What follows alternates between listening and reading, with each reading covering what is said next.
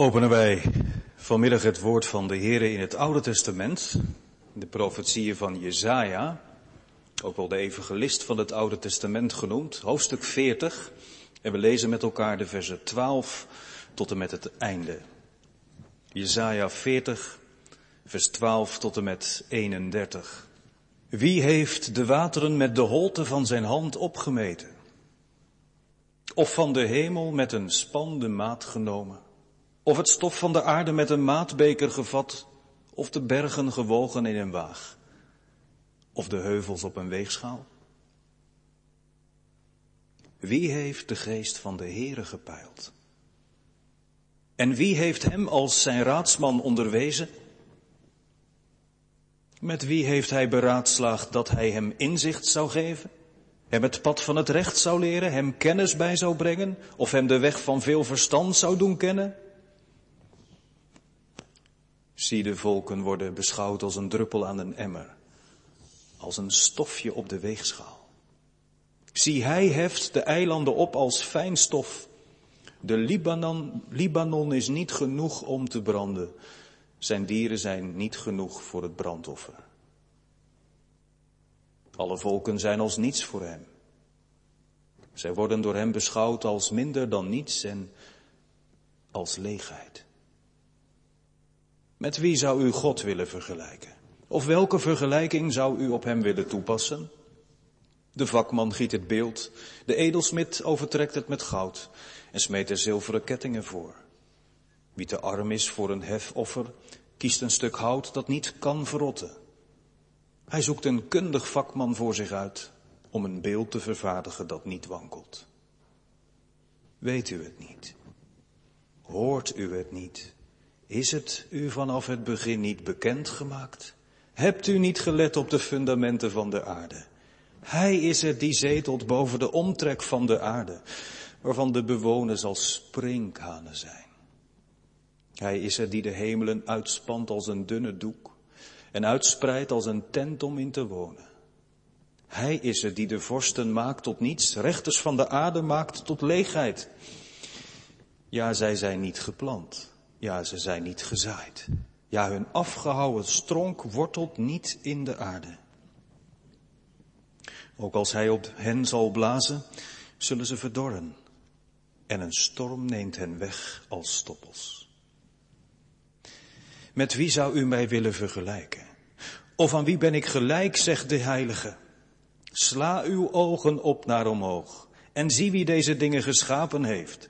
Hij is het die hun leger voltallig tevoorschijn brengt, ze alle bij name roept, door zijn grote vermogen en zijn sterke kracht. Er ontbreekt er niet één. Waarom zegt u dan Jacob? En spreekt u Israël, mijn weg is voor de Heere verborgen en mijn recht gaat aan mijn God voorbij? Weet u het niet? Hebt u het niet gehoord?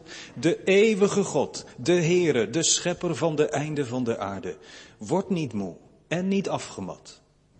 Er is geen doorgronding van zijn inzicht.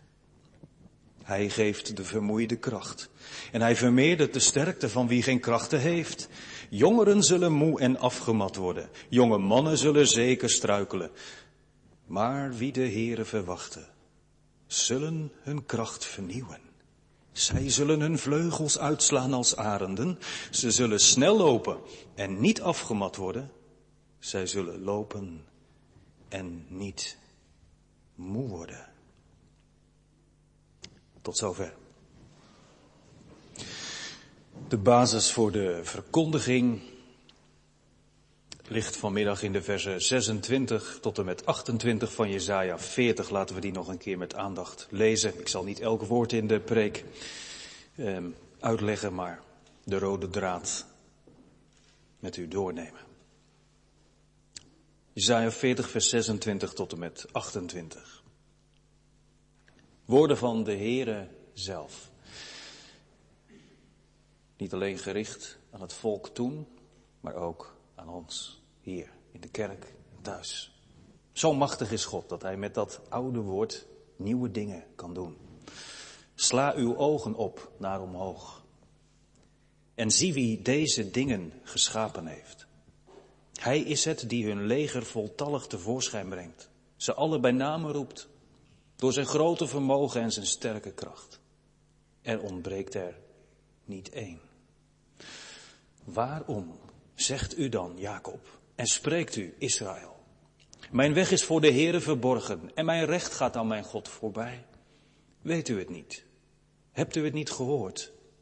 De eeuwige God, de Heere, de schepper van de einde van de aarde, wordt niet moe en niet afgemat. Er is geen doorgronding van zijn inzicht. Papa, hoe groot is God? Lang geleden vroeg een jongetje dat aan zijn vader toen ze samen een wandeling maakten. Dat is echt aan te bevelen. Samen wandelen. Dan komen er soms betere en diepere gesprekken op gang dan als je recht tegenover elkaar zit. Papa, vroeg die jongen aan zijn vader, hoe groot is God? En papa dacht even na en terwijl hij nadacht keek hij zo eens omhoog en toen zag hij daar heel hoog boven in de lucht een vliegtuig. Toen zei hij tegen zijn zoontje, joh, vertel jij mij eerst eens, hoe groot is dat vliegtuig? Waar? Daar? Oh ja. En dat jongetje deed zo zijn handen zo een beetje bij elkaar. Hij mikte een beetje en dan kon hij dat, dat vliegtuig daar precies zo tussen zijn handen krijgen. Zo groot, papa. Toen zei papa, weet je wat? Ik snap dat je dit zegt, maar morgen zeg je wat anders. Hoezo dan, papa? Morgen ga ik met jou naar Schiphol. Dat deden ze. En voor het eerst in zijn leven zag hij een vliegtuig op de grond. En toen zei papa, hoe groot is dat vliegtuig? En dat jongetje deed zijn armen zo wijd mogelijk, maar ja, dat paste die jumbojet niet tussen. Zo groot als zo'n vliegtuig is, als je dichtbij komt. Je hoeft geen klein jongetje te zijn of meisje om soms, terwijl je omhoog kijkt en weet vanuit de Bijbel dat God groot is, denken. Maar waar is Hij dan? En hoe zie ik dat dan? En dan moet je de Bijbel in, niet letterlijk natuurlijk, maar en niet alleen maar bladeren, maar lezen en ontdekken dat er in de Bijbel staat hoe groot God is. Ook al heeft niemand hem ooit gezien, zien wij wel heel veel grote dingen die God geschapen heeft. God nodigt ons uit om dichterbij te komen. Om ook vanmiddag te horen uit de Bijbel wat het betekent dat God groot is. En dat het wel heel begrijpelijk zo tussen ons als mensen kan zijn dat wij tegen elkaar zeggen, joh, ik snap het met wat jij hebt meegemaakt. Dat je jezelf de vraag stelt, hoe kan het nou dat die grote God niet ingreep toen ik hem zo hard nodig had? En dat je zult horen dat de Heere daar ook vanmiddag van weet. En misschien wel juist voor u, voor jou, met dit woord je leven binnenkomt. Ik hoop niet voor het eerst. Ja, we hebben het samen gelezen hoe eerst uh, Jezaja hoogte heeft opgegeven. Hè? In vers 12 zijn we daarmee begonnen. Daar is Jezaja aan het woord. Wie heeft de wateren met de holte van zijn hand opgemeten of de hemel met een span de maat genomen? Bij wie willen jullie God vergelijken? Maar vanaf vers 25 is God zelf inmiddels aan het woord. Jezaja spreekt daar rechtstreeks namens de Heere. Met wie zou u mij willen vergelijken? Sla uw ogen op naar omhoog en zie wie deze dingen geschapen heeft. God, de Heere, heeft de maat van de hemel genomen met de span van zijn hand. Nou, zegt iemand, hoe weet ik dan dat God groot is? Dan moet je wel weten wat de span van een hand is. Ik heb dat nagevraagd bij een timmerman. Ik was er niet helemaal gerust op. Ik las een hele ingewikkelde uitleg van een theoloog wat dat betekent. Ik denk, ik snap het nu nog niet. Dus toen vroeg ik het aan de timmerman, die kon het zo zeggen, dat als je je pink en je duim zo ver mogelijk spant, dat is de afstand, de maat van een span. En nou heb ik relatief grote handen. Maar als je beseft dat heel dat universum, dat grote heelal bij God hierin past, nou dan heeft God hele grote handen. Dan is God heel groot. Dat was toen voor Israël al een bemoediging en een groot wonder. Ik denk aan Abraham, die omhoog heeft gekeken in opdracht van God en hoorde, kijk nou eens naar die sterren. Hij had geen telescoop, maar bij een heldere nacht, zeker in het Oude Oosten, kun je er tienduizenden zien. Zo groot zal je nageslacht zijn. Maar wat Jezaja niet wist en wat het volk Israël toen niet wist, weten wij. Wij worden nog meer verantwoordelijk gehouden met de kennis van nu.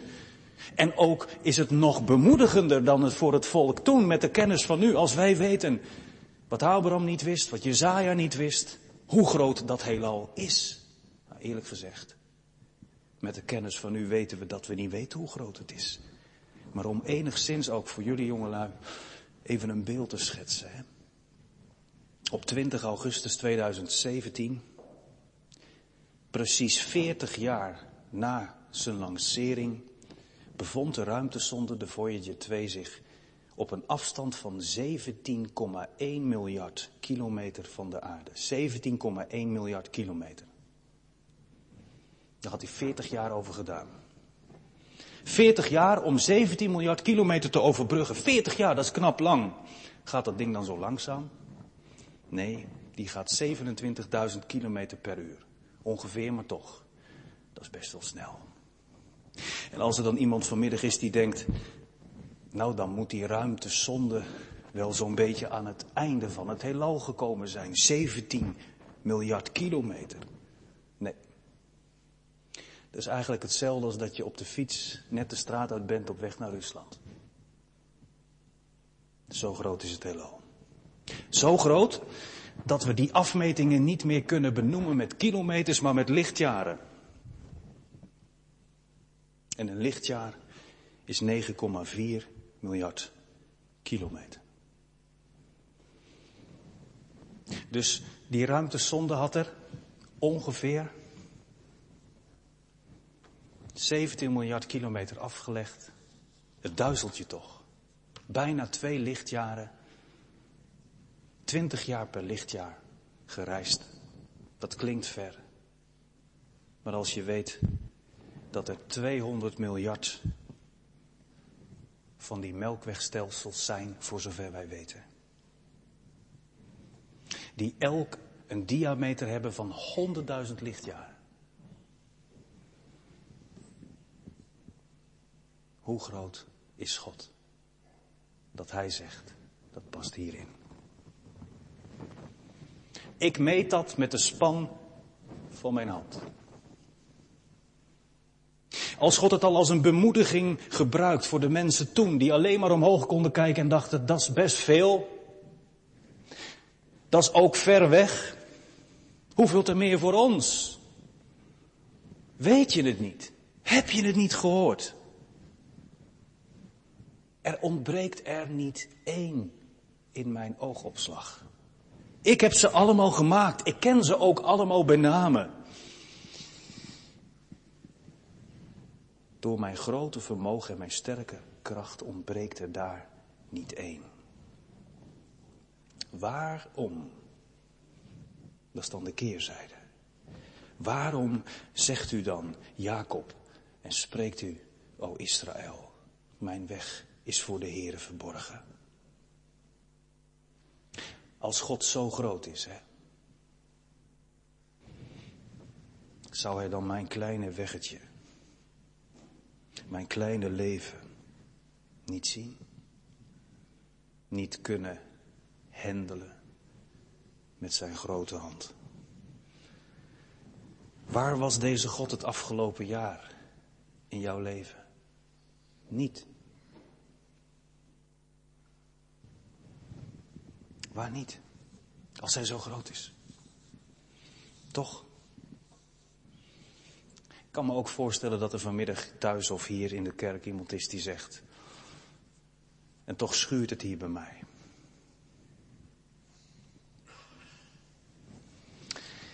En dat er een jongen is die zegt, dominee, bent u, bent u blind of zo?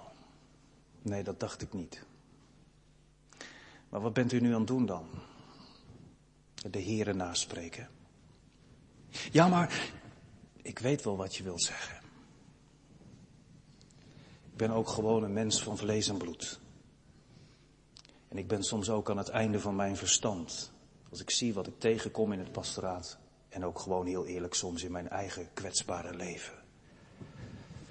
Dan weet je met je mond wel antwoorden te geven. En je kunt er een boek uit de kast bij pakken. Kijk, die en die schreef het ook al zo. En als je dat meemaakt, dan moet je zo bidden. En als je zus meemaakt, dan moet je dat antwoord geven. Theologisch kunnen we dat allemaal in schema's krijgen. En ook nog goed bedoeld elkaar toewensen. Maar je moet er maar eens doorheen gaan. Dat juist die verpletterende boodschap van de grootheid van God, waar je geen kant mee op kan, je naar adem doet happen. Want als je dat beleidt, dat God almachtig is, en je ervaart van die almacht heel weinig of niets, is God dan wel goed?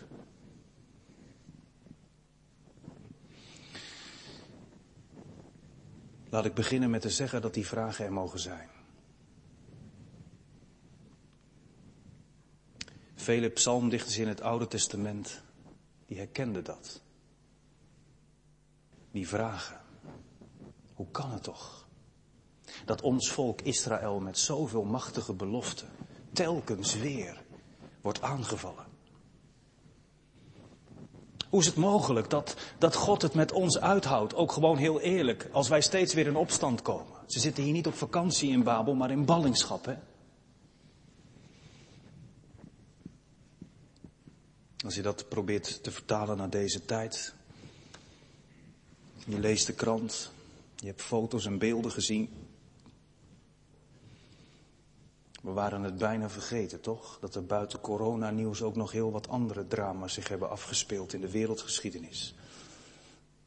Explosies, rampen, oorlog, verkrachtingen, kindermoord, grootsheid, waanzin, corruptie, geloofsvervolging, aanslagen. En kleiner, en in zekere zin daarom niet minder pijnlijk, dichter bij je eigen huis, kennen elkaar nog niet zo goed.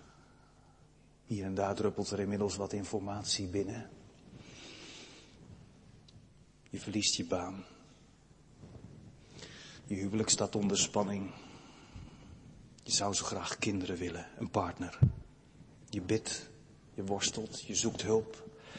Je hoort in de kerk dat wij geloven in God, de Almachtige Vader. Als je let op je gezondheid,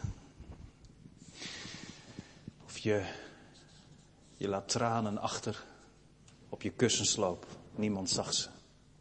En je vraagt je af, heeft God ze wel gezien? Waarom lukt het nou niet om die relatie te herstellen met mijn broer, met mijn zus? Pijn, vragen, zorgen. Waar was God in 2020? Waar niet? Waar wel?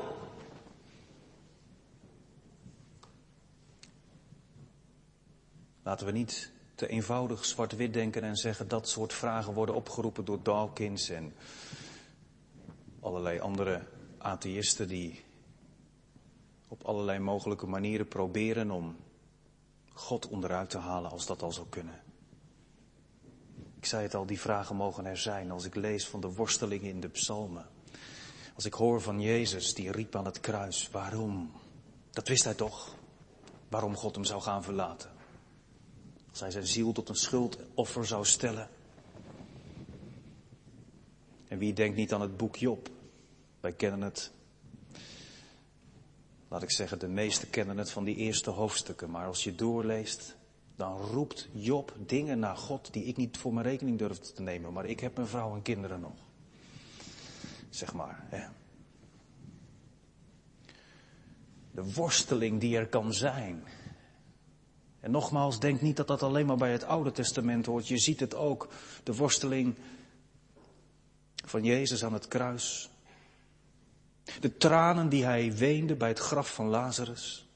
Paulus die niet goed begrijpt waarom die engel van de Satan hem met zijn vuisten pijnigt. En toch, als wij die vragen hebben of stellen of zien bij een ander, mogen wij weten dat God die vragen toelaat om zelf zijn hand erop te leggen, om zelf antwoord te geven. God heeft die vragen nooit afgekeurd, maar wel gecorrigeerd. Juist omdat ze eruit kwamen. In een ander licht geplaatst. Ook de vraag die Israël stelt. Die klacht is God niet ontgaan. Hij heeft het gehoord. Hij komt erop terug. Zo hebben we dat toch samen ook kunnen lezen. Waarom zegt u dan Jacob? En waarom spreekt u, o Israël, mijn weg is voor de Heere verborgen? Hij heeft ze met elkaar erover horen praten. Wat zijn volk heeft gezegd. Waarom is onze weg voor God verborgen? Waarom gaat ons recht aan God voorbij? Ze zijn dus overtuigd van hun onschuld. Dat kan dus, hè? Ook als je in de ballingschap zit. Ze begrijpen het niet meer. Wellicht is daar een groep van mensen geweest die schuld heeft beleden.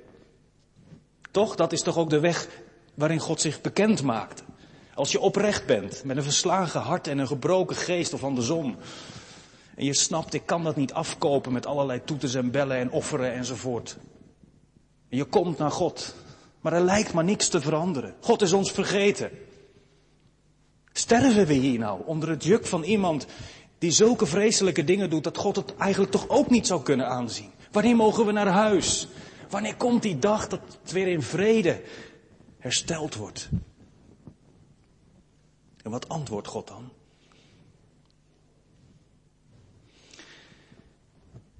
Hij zegt, er is geen doorgronding van mijn inzicht.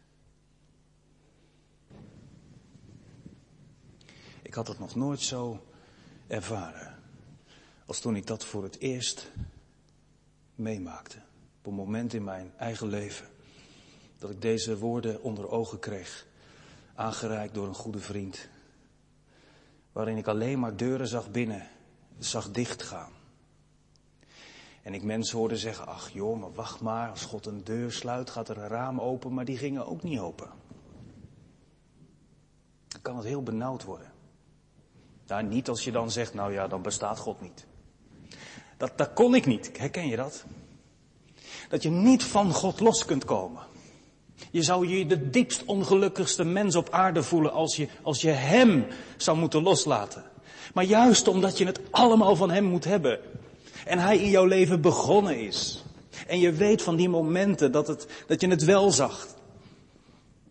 Dat je niet van God kunt loskomen en tegelijkertijd ervaart, heren, hebt u mij dan soms losgelaten? Wat doe ik verkeerd? Weet u het wel?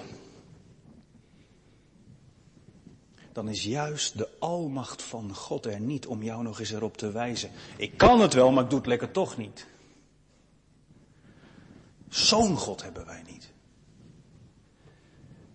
Hij heeft ook nergens gevraagd of wij hem als een boekhouder in kaart konden brengen en dan af kunnen strepen en aan het eind van ons leven kunnen zeggen, nou de puzzel is gelegd, klaar. Hij vraagt mij en u niet om hem te begrijpen, om hem te doorgronden. Wat vraagt hij wel? Ook voor een nieuw jaar. Hoort u het niet?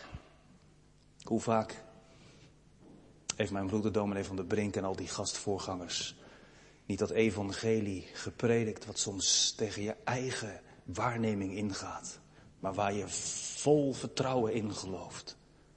Juist ook door de beproevingen heen. Heb je het niet gehoord? Dat de almacht van God niet bedreigend is, maar zo vol van hoop. Weet je het dan niet meer? Denk nog eens terug. Zal gedenken hoe voor deze ons de Heere heeft gunst bewezen.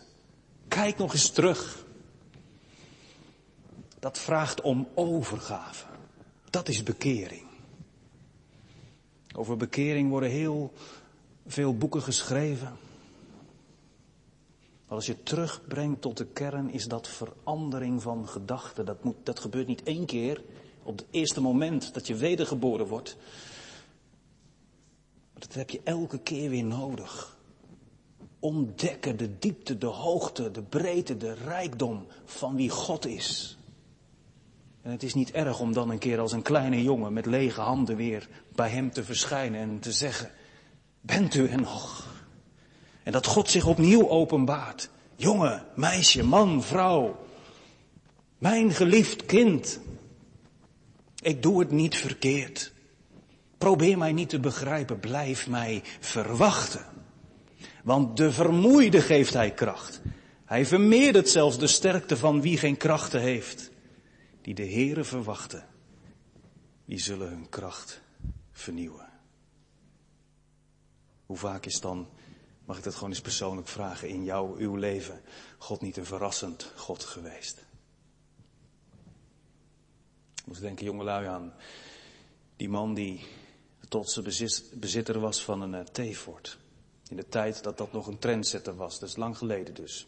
Het was de eerste auto die in massaproductie werd genomen en van de lopende band rolde. Dan kon de gewone man ook zo'n vierwieler bestellen en kopen. En er was er maar wat wijs mee.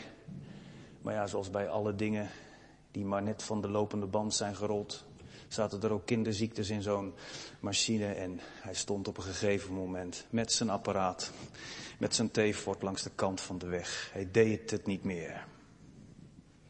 Wist hij veel hoe hij dat ding weer aan de praat moest krijgen. hij stond langs de kant van de weg, klep omhoog. Hij keek naar dat zo ogenschijnlijk simpele motorblok, maar hij wist met geen mogelijkheid wat hij moest doen. Dus ging hij maar staan wachten. Hij stond op de uitkijk. Zoveel auto's reden er nog niet. En zo druk was het toen ook nog niet. Dus hij was al heel blij toen hij in de verte wat zag naderen. Het was een boer met paard en wagen. En die zei ook, ja, ik zal bij het eerstvolgende huis daar verderop wel vragen of er hulp komt. Ik heb er geen verstand van, ik kan je niet helpen. Ga je mee of blijf je wachten? Nee, ik blijf wel wachten, want voor hetzelfde geld komt er wel iemand die er verstand van heeft. En hij maar wachten en wachten en de een naar de ander kwam voorbij. Maar niemand kon hem, kon hem helpen. Totdat hij in de verte iets aan zag komen en hij keek, ja, grote lichten. Is in ieder geval een auto. Misschien iemand die wel weet hoe het werkt. Toen dacht hij, oh nee, die, die blaast mij voorbij. Want het was niet zomaar een wagentje die van de lopende band was gerold. Dat was in, in die tijd handgemaakte limousine. Dat kon je gelijk zien. Een luxe wagen. En hij was eigenlijk al van plan om, uh, om zijn rug te weer naar de weg te draaien en, en weer bij zijn autootje en die open motorkap te staan. Maar die auto stopte. En er stapte een chique man uit met een hoge hoed, fluwelen handschoenen aan. En die zei, doet hij het niet meer? Nee. Zal ik eens kijken? Ja, een beetje, een beetje aarzelend zei die man, nou ja, dat mag.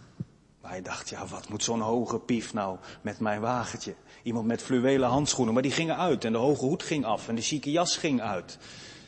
En die man die boog zich over dat motorblok onder die motorkap. En binnen een paar tellen ging hij achter het stuur zitten en hij startte en hij liep. En hij zei, hij doet het weer.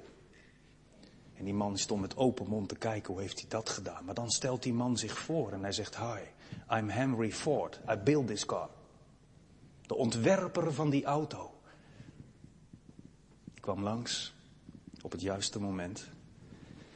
En die schaamde zich er niet voor om nog eens monteur te zijn. Dat gaat maar over een auto, hè. Maar als jij een keer in je leven op de vluchtstrook komt te staan.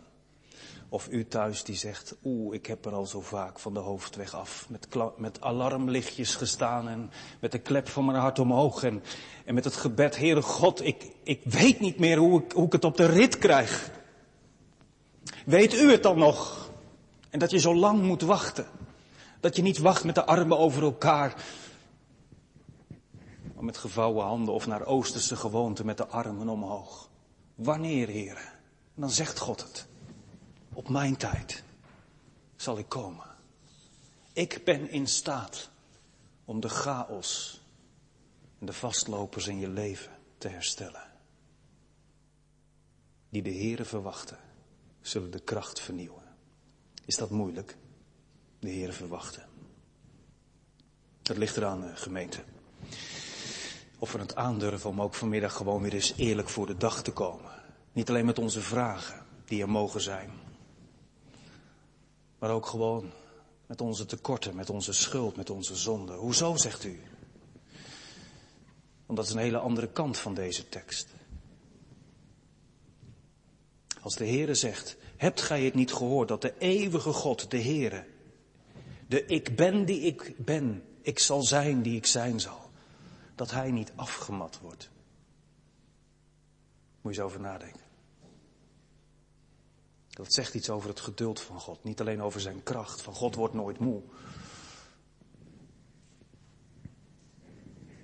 Het volk, zei ik al, zit niet voor niets in de ballingschap.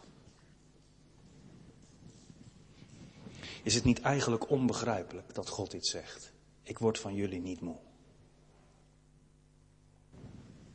Even terecht is de vraag te stellen, hè? waarom is God er nog? Waarom is hij niet verdwenen?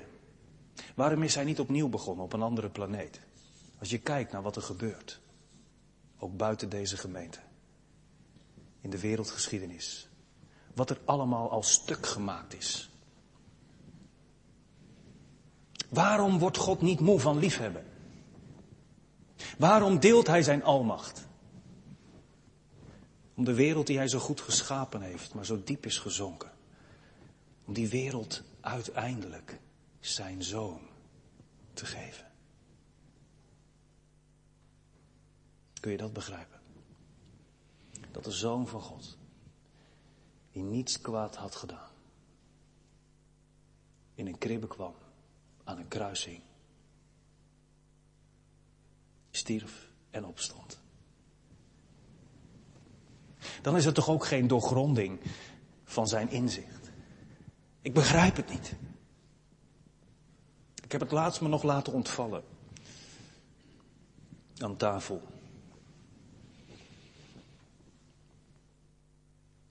Als ze aan je kinderen komen, dan komen ze aan jou. Hè? Dan moet je je echt inhouden. Dan ben je niet zo pastoraal. De vraag werd mij gesteld, papa. Als ze met Lucas zouden hebben gedaan wat ze met dat jongetje daar verderop hebben gedaan, wat zou je dan hebben gedaan? Dan, dan, dan, dan ben je een leeuw. Ja, God is een leeuw. Voor degene die hem verstoten, is hij een vijand. Maar voor degene die hem verwachten, dan neemt hij het op. Hij doet van zijn naam geen afstand. Ik zal er zijn. Ook daar waar je me niet verwacht. Ook daar waarvan mensen zeggen het gaat niet goed. Daarom is God er geweest, 2020 om ons te zegenen. Ja, soms is zijn zegen tegenspoed. Soms is zijn zegen dat je iets moet teruggeven. Wat je op dat moment niet begrijpt. Maar waar je iets anders voor in de plaats krijgt. Laten wij voorzichtig zijn. Hè? Soms is dat zo'n kreet. Ook vandaag de dag. We leven in een goddeloze wereld. Dat betekent niet dat God ons verlaten heeft, maar dat wij Hem verlaten. Begrijpt u? God is er. Hij zal er zijn. En hij is gekomen. Jezaja zei, kijk nou eens omhoog. Naar, om, naar omhoog, naar al die, die dingen die geschapen zijn. Al die sterren. Al die miljarden. God kent ze. Hij roept ze bij naam. Er ontbreekt er niet één. Hij weet ze allemaal te vinden.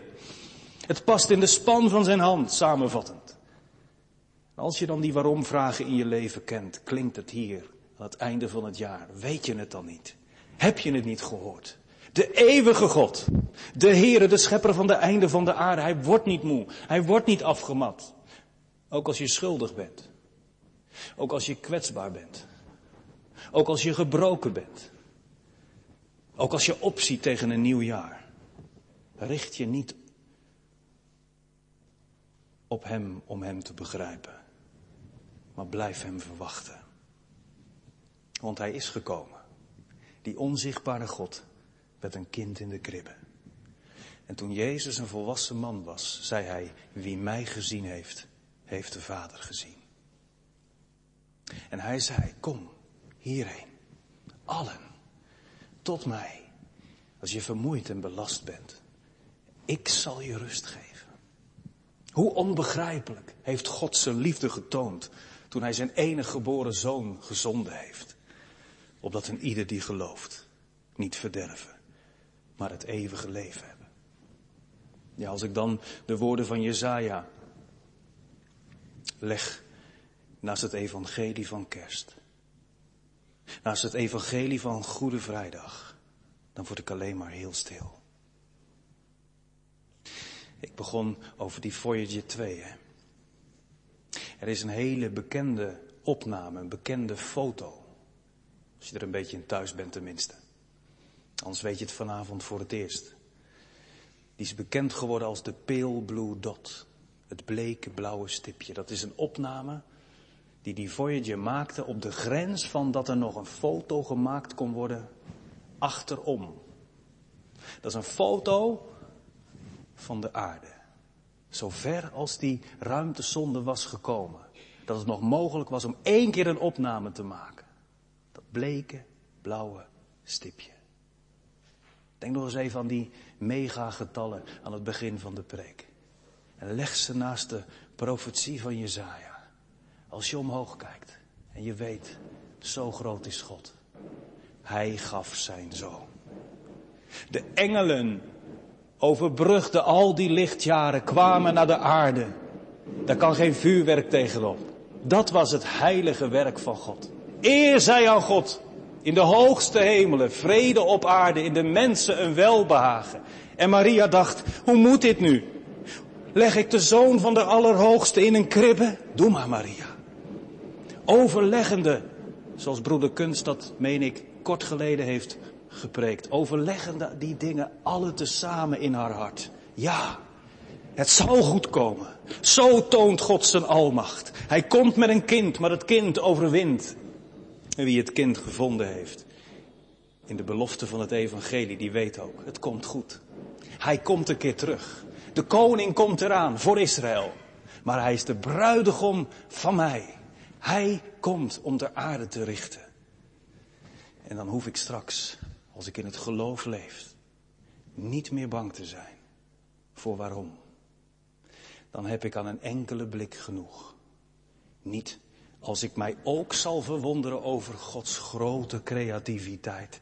Als Hij een nieuwe aarde en een nieuw universum schept. Maar dan zal ik mij allerhoogst en allermeest verwonderen over de morgenster Jezus Christus. Die ik met nieuwe ogen mag zien. Zo houd ik het vol. Door niet alleen omhoog te kijken. Want dan kun je soms nog denken, waar is God? Maar dat je die hoge God in je Bijbel tegenkomt. In de persoon van Jezus Christus. Die het zegt. Wie mij gezien heeft, heeft de Vader gezien. En tot die tijd.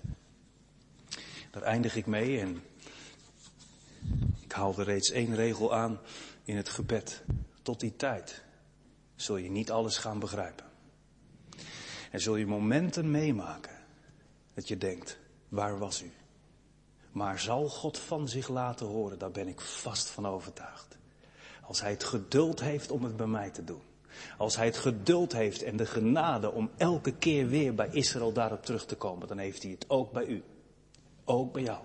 In alle worstelingen. Dat vat ik maar samen. In de woorden van dat bekende gedicht. Waarvan die laatste twee regels op de grafsteen staan van een jonge moeder. Op de begraafplaats in Schone Woord die man en kinderen naliet. Ja, hoe onbegrijpelijk en toch. Ik droomde eens en zie, ik liep aan het strand bij lage tij. Ik was daar niet alleen, want ook de Heer liep aan mijn zij. We liepen samen het leven door en lieten in het zand een spoor van voetstappen twee aan twee. De Heer liep aan mijn hand. Ik stopte. Keek achter mij en zag mijn levensloop. In tijden van geluk en vreugde. In tijden van diepe smart en hoop. Maar als ik het spoor heel goed bekeek, zag ik langs heel de baan, daar waar het juist het moeilijkst was, maar één paar stappen staan. Ik zei toen, Heer, waarom dan toch? Juist toen ik u nodig had. Juist toen ik zelf geen uitkomst zag op het zwaarste deel van mijn pad.